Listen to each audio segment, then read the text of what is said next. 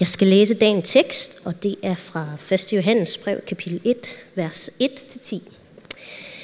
Det, som var fra begyndelsen, det, som vi har hørt, det, som vi har set med vores øjne, det, som vi betragtede og vores hænder rørte ved, livets ord. Og livet blev åbenbaret, og vi har set det, og vidner om det, og forkynder jer det evige liv, som var hos faderen, og blev åbenbaret for os. Det, som vi har set og hørt, forkynder vi også for jer, for også I kan have fællesskab med os, og vort fællesskab med faderen og hans søn Jesus Kristus. Det skriver vi, for at vor glæde kan være fuldkommen. Og dette er det budskab, vi har hørt af ham og bringer videre til jer. Gud er lys, og der er intet mørke i ham. Hvis vi siger, at vi har fællesskab med ham, men vandrer i mørket, lyver vi og gør ikke sandheden. Men hvis vi vandrer i lyset, ligesom han er i lyset, har vi fællesskab med hinanden, og Jesu, hans søns blod, renser os for al synd. Hvis vi siger, at vi ikke har synd, fører vi os selv på vildspor, og sandheden er ikke i os. Hvis vi bekender vores synder, er han trofast og retfærdig, så tilgiver han os vores synder og renser os for al uretfærdighed. Hvis vi siger, at vi ikke har syndet, gør vi ham til en løgner, og hans ord er ikke i os. Amen. God formiddag. Nogle gange, så, øh, så synes jeg godt, man kan få det indtryk, øh, i hvert fald måske i vores sådan, øh, del af kirken, hvis man kan sige det på den måde, at, at kristendom og kristentro, det handler kun om, at jeg kom til en erkendelse af, at jeg er en sønder, jeg kan ikke gøre mig selv retfærdig. Men heldigvis så har Jesus levet det liv, jeg skulle leve, og er død for mig, og derfor kan jeg blive tilgivet. Og dermed punktum. Så at, at alt tale om, hvad det kristne liv medfører, er på en eller anden måde farligt eller suspekt, fordi det kan tage fokus væk fra centrum. Og det er der noget rigtigt i. Altså, det sker så let for os, at fokus bliver taget væk fra Jesus og det, han har gjort, og friheden i ham at tage imod det. Det sker meget let, det sker næsten helt af sig selv, og derfor så skal vi høre evangeliet, det kristne budskab, igen og igen. Men er det alt, hvad kristendom handler om? Er det egentlig i overensstemmelse med Bibelen? Er det egentlig i overensstemmelse med, hvad evangeliet egentlig betyder, kan man spørge sig selv. I sin yderste konsekvens, så mener jeg, det mener jeg også, at vi kan se, at så kan det føre til både et, et dobbeltliv. Man kommer ind her bare for at høre, jeg kan ikke gøre noget alligevel, så det er godt, Jesus er død for mig, jeg får noget nadver, og så er jeg tilgivet. Og så går jeg ud, og så lever jeg et liv lige præcis som alle mulige andre. Eller en form for virkelighedsflugt. Jeg vil ikke rigtig forholde mig til mig selv, og hvad der foregår i, i mig, i mit indre, men også i mit liv. Og kristendom som sådan en, en flugt fra virkeligheden af mig selv. Så blæse være med mit, med mit temperament. Jeg kan jo alligevel ikke lave om på, hvordan jeg er. har måske prøvet lidt, men det, det, det hjalp ligesom ikke. Eller blæse være med, hvordan jeg er som kollega. Fordi jeg bliver jo ikke retfærdig ved at, at gøre godt mod andre. Det skal jeg jo ikke prøve på. Blæse være med, hvordan jeg overfor naboen og, og hendes problemer. Men mindre hun er klar til at høre evangeliet. det kristne budskab. Blæse være også med, hvordan det går med resten af verden, fordi snart kommer Jesus alligevel igen, og mine øjne skal være rettet mod korset. Er det virkelig Guds vision for den kristne kirke? Er det virkelig Guds vision for dig? Det alene. Hvis det var sandt, så synes jeg, at kritikerne af kristendommen har ret noget af vejen, at det er lidt en form for virkelighedsflugt. Eller at evangeliet, det kristne budskab, det er egentlig bare en måde at få det lidt bedre med sig selv på. Selvfølgelig er det ikke sandt, at det er det eneste og det hele. Selvfølgelig er der mere at sige. Ellers var Bibelen heller ikke så tyk. Der er en naturlov i det her, også i det åndelige rige. Alt hvad der, det kan vi se i naturen omkring os, alt hvad der virkelig lever, det vokser. Det er kun døde ting, der forbliver uforandret. Guds ånd er ikke gold. Den vil bære frugt. Det sker ikke ved, at vi så siger, Nå, men så skal jeg tage mig sammen, så skal jeg prøve at være det jeg fandt ud af, at jeg ikke rigtig kunne være. Det sker heller ikke ved, at vi bare hører evangeliet igen og igen, og så beder vi Helligånd, og så vupti, så sker det sådan, out of the blue. Der er en, en øh, kristen teolog, øh, som har sagt, alt for mange kristne lider af tro på magi. Altså bare vi ligesom får den rigtige information øh, og hører det rigtige budskab, så sker det sådan ligesom af sig selv. Jeg mener, Bibelen viser os en anden vej. En, en realistisk vej. En dybere vej. Den er ikke løsrevet fra, men den vokser ud af evangeliet. De gode nyheder om, hvad Jesus har gjort for os, og som jeg hverken skal tage fra eller til. Og det, den, det, det er det, der er virkeligheden. Det er det, der er kraften. Men det har også noget at gøre med, hvad jeg gør i mine handlinger og i mit sind. Og det er noget, jeg er ansvarlig for også at bringe ind i mit liv med min valg. Det handler om at afklæde os, siger Bibelen, og iføre os. Og det har vi valgt at oversætte til, at det handler om at give slip og gribe fat i denne her lille serie. I dag skal vi mest tale om det første, at give slip. Fordi det er, er fundamentet for at gribe fat. Men også fordi mange gange i, i kristen sammenhæng, så har man mere travlt med at gribe fat eller iklæde sig, fordi det virker sådan lidt mere konstruktivt, end det der med at afklæde sig og give slip. For det er ikke nogen speciel rar proces for nogen af os. Det er faktisk lidt ydmygende, det her med at give slip. Det er nogle gange, eller det er, tror jeg, som regel det sværeste for de fleste af os. Men det er vores eneste og verdens redning at give slip. Hvis du er her, eller ser med, og du ved med dig selv, du ikke er kristen, og det håber jeg virkelig, der er nogen, der er, fordi vi eksisterer, ikke mindst for sådan nogen som dig. Så vil jeg sige, det her det er en anledning til at kigge ind gennem vinduet til det kristne livs hus, for at se lidt om, hvad, hvad foregår der inde i sådan et, et kristen liv? Hvad er det, det handler om? Jeg håber, du vil se, at det er andet og mere end bare en, en klub, eller sådan en, en uh, interesseforening, hvor man hører noget godt hver søndag. Det er en dyb og gennemgribende renovering, som varer livet igennem, og først bliver færdig i det ultimative. Det er genoprettelsen af det, vi var skabt til. Og det er det mest meningsfulde arbejde i universet. Inden vi skal høre noget mere om det, så skal vi bede til Gud. Kære Jesus Kristus, du som er vores, vores frelser, vores redningsmand, vores befrier, vores held, tak for, at du aldrig skal falde død om. For du er døde og opstået. Du ved, at vi har brug for det liv, som er i dig. Det evige liv. Du kender os hver især her. Du ved om, om vores hjerte banker, om din ånd lever og ånder i os. Og du har gang i den sunde og svære proces, det er at genskabe os i dit billede, også i det indre. Du ser også, om der er nogen, der er ved at falde hen og har brug for noget hjertemassage. Eller om nogen, der er død helt hen. Hjertet er stoppet, og der er brug for et chok. Det ved du, Jesus, og det ved du, Helligånd, og jeg beder dig om, at du må komme nu og give os det, som vi har brug for. Så, så blodet kan pulsere i vores årer, så kærligheden kan svulme og kan flyde over til dig og til andre mennesker. Hjælp os til at åbne øjnene nu for, hvad det er, du vil vise os. Vi kan det ikke i os selv, men det kan du. Amen.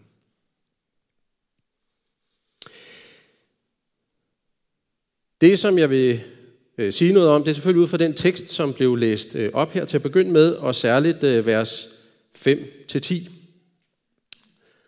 Øhm, og det første, øh, eller jeg vil sige noget om det ud fra de her fire overskrifter. For det første, hvad vil det sige at give slip i denne her øh, sammenhæng? For det andet, hvorfor er det vigtigt? For det tredje, hvorfor er det så svært? Og for det fjerde, hvordan kan det komme til at ske? Selvom det er svært. Men altså først, hvad vil det sige at give slip her?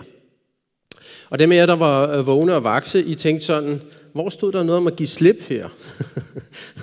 det stod der ligesom ikke rigtig nogen steder, men der står, at Gud er lys, og der er intet mørke i ham. Der står, at man kan vandre i mørket, men han ønsker, at vi skal vandre i lyset. Og det at vandre i lyset, det betyder at bekende vores synd. Hvis vi bekender vores synd, så har vi fællesskab med ham og med andre kristne. Vandre i lyset, leve i lyset, som er Gud.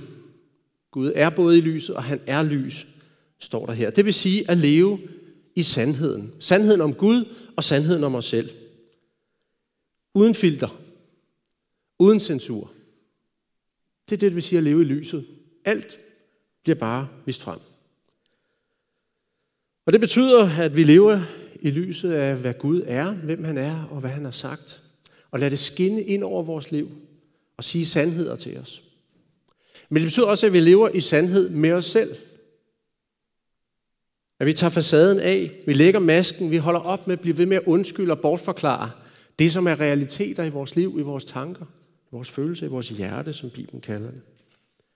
Det er på en vis forstand at stå afklædt. Jeg ved ikke, om der er nogen af jer, der har været med til et AA-møde, og i sagens natur skal vi ikke række hånden op, men øh, anonyme alkoholikere, øh, det har jeg, øh, og øh, jeg må nok sige, at det var som, øh, som pårørende. Øh, selvom, who knows, det kan være, at jeg har brug for det også en dag, øh, på en anden måde. Jeg synes, det var en meget øh, stærk oplevelse, fordi jeg oplevede faktisk i det her øh, anonyme alkoholikerfællesskab øh, en erkendelse og et fællesskab, som jeg tænkte, det ville være fantastisk, øh, hvis vi kunne få endnu mere af det i vores kristne fællesskaber. Fordi der, der, der ved man godt, der er man ikke som hovedregel bare på besøg eller på en kigger. Der er man, fordi man ved, man har et problem. Og det er egentlig også derfor, jeg er her. jeg har et problem. Jeg har mange problemer.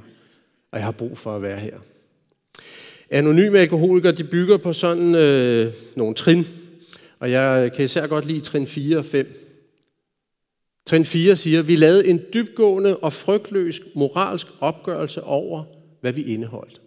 Man siger det sådan i fortid, men det er det, man ligesom går igennem. Og for det femte, vi indrømmede over for Gud, for os selv og for et andet menneske, nøjagtigt, nøjagtigt hvordan det forholdt sig med vores fejl.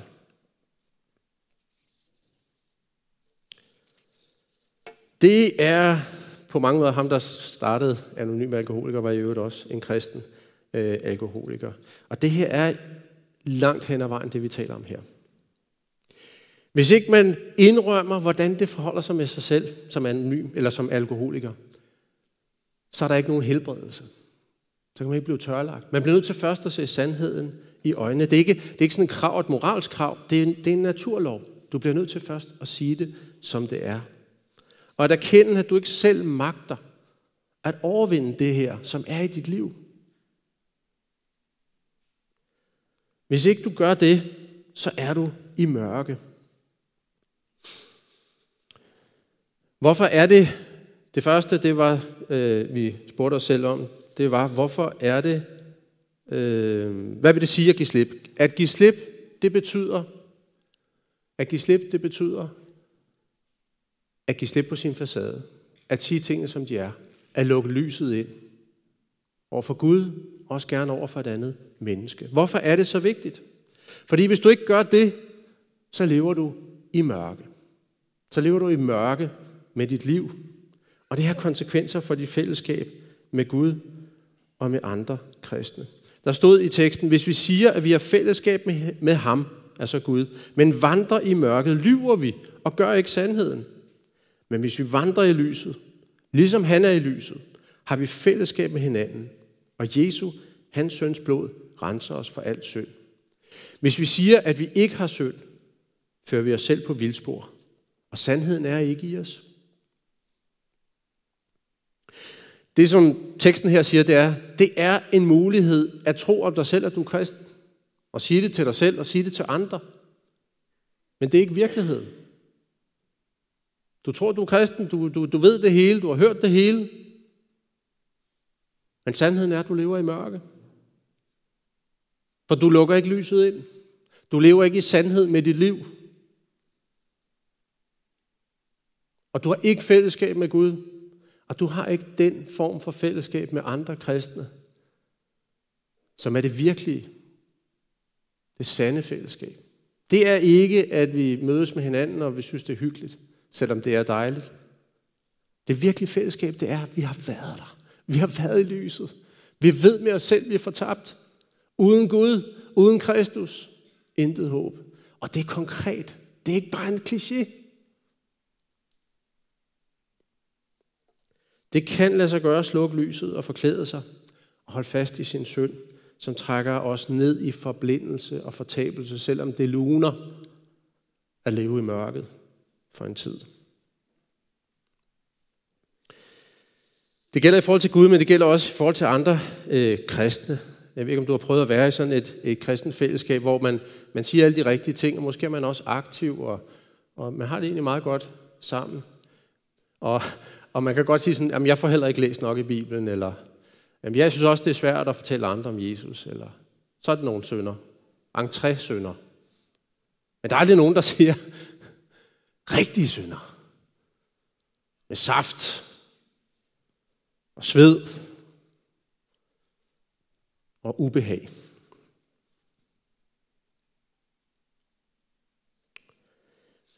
Det er fordi, det er svært det her. Og det er det tredje spørgsmål. Hvorfor er det så svært? Hvorfor er det svært at leve i lyset, både med sig selv, altså se sig selv i øjnene? Det er noget af det sværeste, der findes. Hvis du synes, det er let, så tror jeg, det er måske fordi, du aldrig har prøvet det. I'm sorry.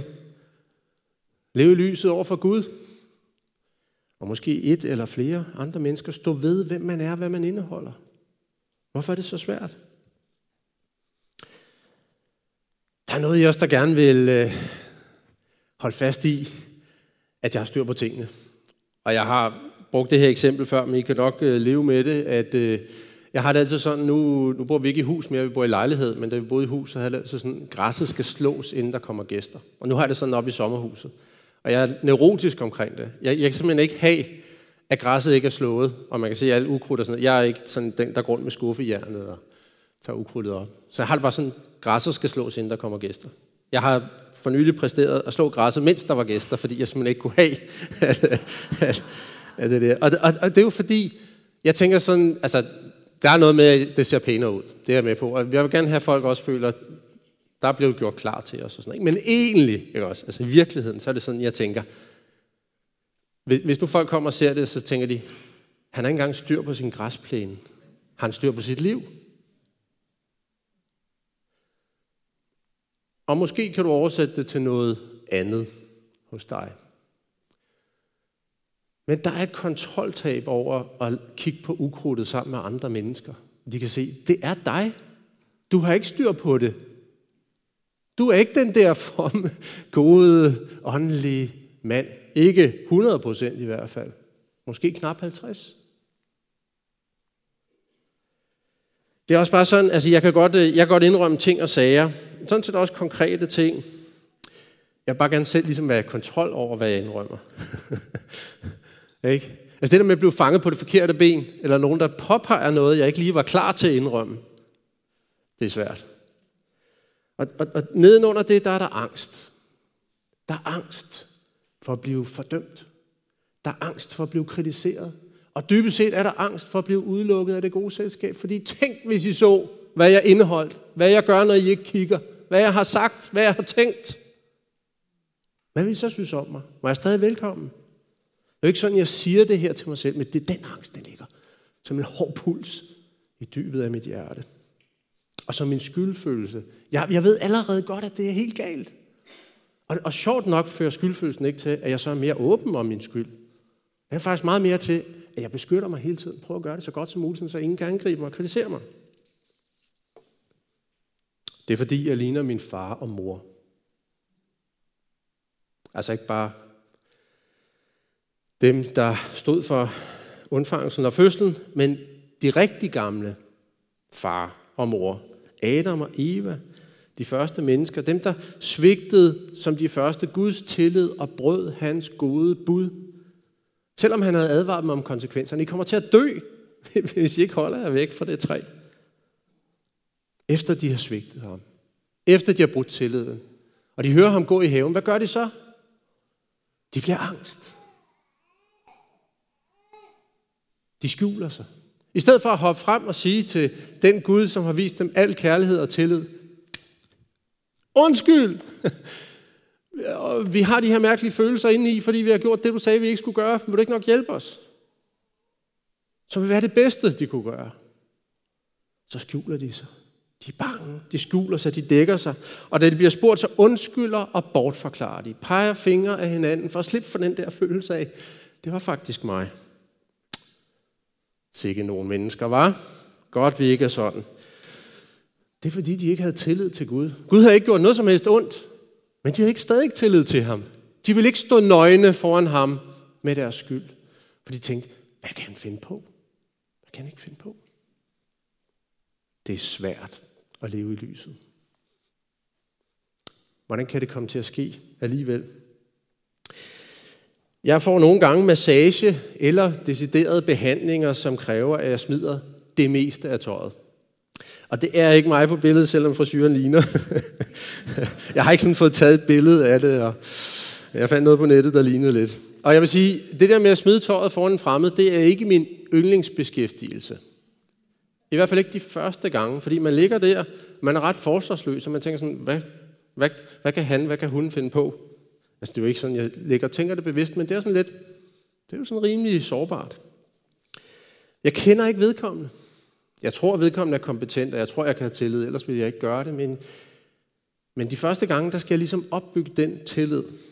Efter nogle gange, så finder jeg ud af, at det går faktisk meget godt. Det kan faktisk være super lækkert. og at behandleren ved mig det godt, og at det gør godt. Så kan jeg slappe af.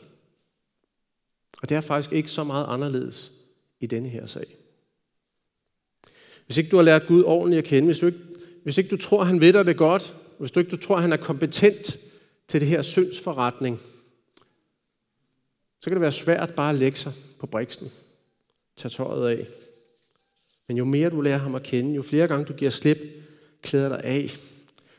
Rejser det hvide flag og siger, lys ind i mit liv. Vis mig, hvad der er, så du kan tage dig af det. Fordi jeg, jeg kan ikke. Desto lettere kan det faktisk blive. Oplever, at Gud ved dig det godt. Han kan gøre det, som du ikke selv kan, som ingen andre kan, og jo mere du får tillid til ham, jo lettere kan det faktisk blive. Det gælder også i forhold til mennesker. Det vil jeg vende tilbage til lige om lidt. Men jeg vil bare sige sådan helt konkret, hvordan kan man gøre det? Den første ting, vil jeg sige, det er, at vi begynder at gøre andagt til andagt. Altså man taler om andagt sådan i kristen sammenhæng. Andenken. Øh, at man tænker på noget, at man giver sig selv en pause i livet, hvor der bliver lidt stille, og man reflekterer over, hvad der lige er sket i ens liv det sidste døgn, eller den sidste uge, eller lige dette øjeblik, og man inviterer Gud indenfor i det og siger, jeg tror, der er et eller andet, der er, der er noget her, vi har brug for at kigge på sammen, Gud. Det, det, det er sådan, han virker gennem vores samvittighed, gennem sin ånd. Og inviterer Gud indenfor og siger, vis mig det, som det er og hjælp mig til at sige det, som det er til dig. Og de der pauser, dem kan du godt vente på, at de opstår i dit liv. Og så får du den først det øjeblik, du falder om på banen, eller hvor du nu falder om. For det sker aldrig af sig selv. Og det er dødsens alvorligt. Uopgjort synd. Synd er alvorlig. Det sker kun, hvis du selv beslutter, nu skal der være et hul for ellers er der hele tiden noget eller nogen, som kan distrahere mig. Der er noget vigtigt, jeg skal have gjort. Skab pauser. Også mikropauser. Mikropause kan være, jeg har lige sagt noget, og jeg kan mærke det der, det var en skævert. Og i stedet for bare at sige, undskyld Gud, og så bare gå videre, så nogle gange lige at stande op og sige, Gud, hvad var det, der skete der? Hvad var, hvad var det, der, der drev mig der? Lys ind i mit liv. Undskyld, Gud, er der nogen, jeg skal sige undskyld til, også af mennesker? Så vis mig det. Jesus han gør det til en ret alvorlig sag. Han siger, inden du kommer til gudstjeneste, og du kommer i tanke om, at din bror eller din søster har noget imod dig, så lad være med bare at gå til gudstjeneste. Så får det gjort op, inden du går til gudstjeneste. Frit oversat. Og når Jesus siger det, så er det vigtigt. Det er vigtigt for vores relation til Gud, men det er også vigtigt for vores relation til andre mennesker. Jeg må konstatere, at den her uge havde jeg brug for selv at gøre det. Og jeg fandt ud af, hvor utrolig svært jeg har ved at sige helt konkret undskyld for noget, som jeg lige havde gjort. Altså, jeg kan så godt lide at have det i teorien. Og det er også lidt lettere over for Gud, fordi han ved det helt. Det har jeg vendet mig til. Men altså til andre mennesker, hold fast, hvor det er svært. Hold fast, hvor er det godt at gøre. Prøv at se, hvad det gør. Også ved dine relationer. Bare psykologisk, men også åndeligt. At der ikke er synd imellem os. Nag, bitter, råd, som Bibelen kalder det. Det dræber fællesskabet. Det dræber ånden i os. Det du vil opleve, hvis du gør det her, det er, at Gud hver gang siger, godt du kom. godt du kom, mit barn, jeg elsker dig. Jeg vidste det jo allerede. Hvor er det godt, du kom og har tillid til mig. Jeg tilgiver dig. Det var noget værre lort, men jeg tilgiver dig, undskyld udtrykket. Det er noget værre møg, men jeg tilgiver dig. For Jesu Kristi skyld. Det kan også være godt at sige det til andre kristne nogle gange. I Jakobs brev, kapitel 5, vers 16, så står der, at øh, noget, der kunne tyde på, at der er en sammenhæng mellem konkrete under i menigheden og uopgjort synd. Konkrete under i menigheden og uopgjort synd. Og derfor så siger Jakob, som vist nok var Jesu fysiske bror, bekend derfor jeres sønder for hinanden. Bekend jeres sønder for hinanden. Jamen altså, jeg kan ikke mene sådan helt konkret, vel? Eller hvad? Lad os nu bare sige, at du kan starte med at øve dig sammen med en, du har rigtig meget tillid til. Jeg har en skriftefar, det er jeg meget glad for. Du kan få en skriftefar eller en skriftemor her i kirken. Claus, Peter øh, er præster, Claus Grønbæk, Peter Tækgaard. De kan enten selv lytte til det, og de er ligesom sådan nogle store, dybe brønde. Du putter bare stenen derned, og så siger det plop, og så har de glemt om det i morgen. De kan også finde nogle kvinder til dig, hvis du har mere tillid til det, eller, eller er mere komfortabel med det. Skriftemål, det er en fantastisk muligheder. det kan nogle gange hjælpe til det der, hvor man hele tiden går var det en synd, var det ikke en synd, er jeg tilgivet, er jeg ikke tilgivet? Så gå hen, og så bekend det, og så hør dem sige det, fordi det hjælper mere, når man hører et andet menneske sige det. For Jesu Kristi skyld, du er tilgivet. Det er dejligt. Så går jeg derfra, så er jeg fri. Er det dejligt hver gang? Nej. Nu har jeg gjort det så mange gange, så jeg får ikke altid den der wow-oplevelse. Men ved I, hvad der er fantastisk? Det er sandt, uanset om jeg føler det eller ej. Fordi det er ikke min følelse, der frelser og tilgiver mig, men det er Guds ord, det er hans løfter til mig for Jesu Kristi skyld. Er det ikke fantastisk? Amen. Man kan også gøre det i sit fællesskab nogle gange. Man kan faktisk gøre det også i sin k-gruppe nogle gange. Tale om synd, konkret synd. Man kan også finde en medvandrer, en der ligesom er på samme, på samme øh, vandring og stade som en selv. Det kan man også hjælpe til her. Jeg synes, det, det, er, det er tankevækkende. Det er tankevækkende. Jeg har læst en del om sådan øh, vækkelser, som man kalder det, i den protestantiske kirkes historie, altså fra cirka for, for 600 år siden øh, og så til i dag. Øh, 500 år siden til i dag, cirka. Øh, så er det tankevækkende at tænke på, eller at, at læse, hvor mange gange øh, vækkelser, der var der sådan øh, offentlige syndsbekendelser. altså man kunne i nogle af de her situationer opleve, at folk stod på gadehjørnerne og råbte deres sønder ud til en anden kristen. Det var måske lige... Det er måske heller ikke lige der, vi er. Det er måske ikke det, der er problemet for os. Men lidt ligesom anonyme alkoholikere, det var, jeg blev helt bevæget af at være med i det der fællesskab. Fordi alle sad bare sagde tingene, som de var. Jeg faldt lige igen. Jeg slog min kone. Jeg, jeg negligerede mine børn. Det eneste, det handlede om, det var, det var drik. Tænk, hvis vores fællesskaber havde bare lidt af det her i sig. Det har det måske også. Jeg oplever det i hvert fald også, så det er ikke for at tale det ned. Og jeg vil bare sige, at der er mange, der gerne vil forandre verden. Og de kommer med, med noget politik, hvor de siger, kan I så holde op med det, og I skal gøre det her, og det er dem derovre, der er problemet. Og så går vi på de sociale medier. Bla bla bla. Det er ikke sådan, Gud forandrer verden. Ikke primært. Det er udefra ind. Gud ønsker at forandre verden indefra og ud. Og hvis du kigger både på kirkens historie og verdens historie, så er det meget mere holdbart. Det er meget mere gennemgribende. Indefra og ud. De er ikke problemet. Jeg har problemet. Og det er der, det starter. Også kærligheden til Gud og til andre. Skal man altid sige alting? Nej, men begynd med noget. Prøv det i næste uge, og hvis du sidder nu og tænker på noget, gav vide om det helgen, der minder dig om, at du skal sende en sms, lige så snart vi er færdige her. Få det ud af verden. Hvad er det værste, der kan ske? Hvis du gør det, så vil jeg sige her, til slut er der noget, du skal huske. Og det er ordet al. Al. Al synd. Al uretfærdighed. Da Jesus han døde på korset, så tog han hele verdens synd på sig. Både den, der havde været, og den, der skulle komme. Både den, du har begået, og den, du vil begå. Han tog hele verdens synd på sig. En gang for alle. En for alle. Og når du bekender dig, når du bekender din synd, så kaster du din synd på ham. Uanset hvad det er. Uanset hvad det er. Al synd. Ham, som var nøgen, fuldstændig afklædt, fuldstændig eksponeret, og blev ramt af den vrede og den dom og den forkastelse, som du og jeg er så angst for.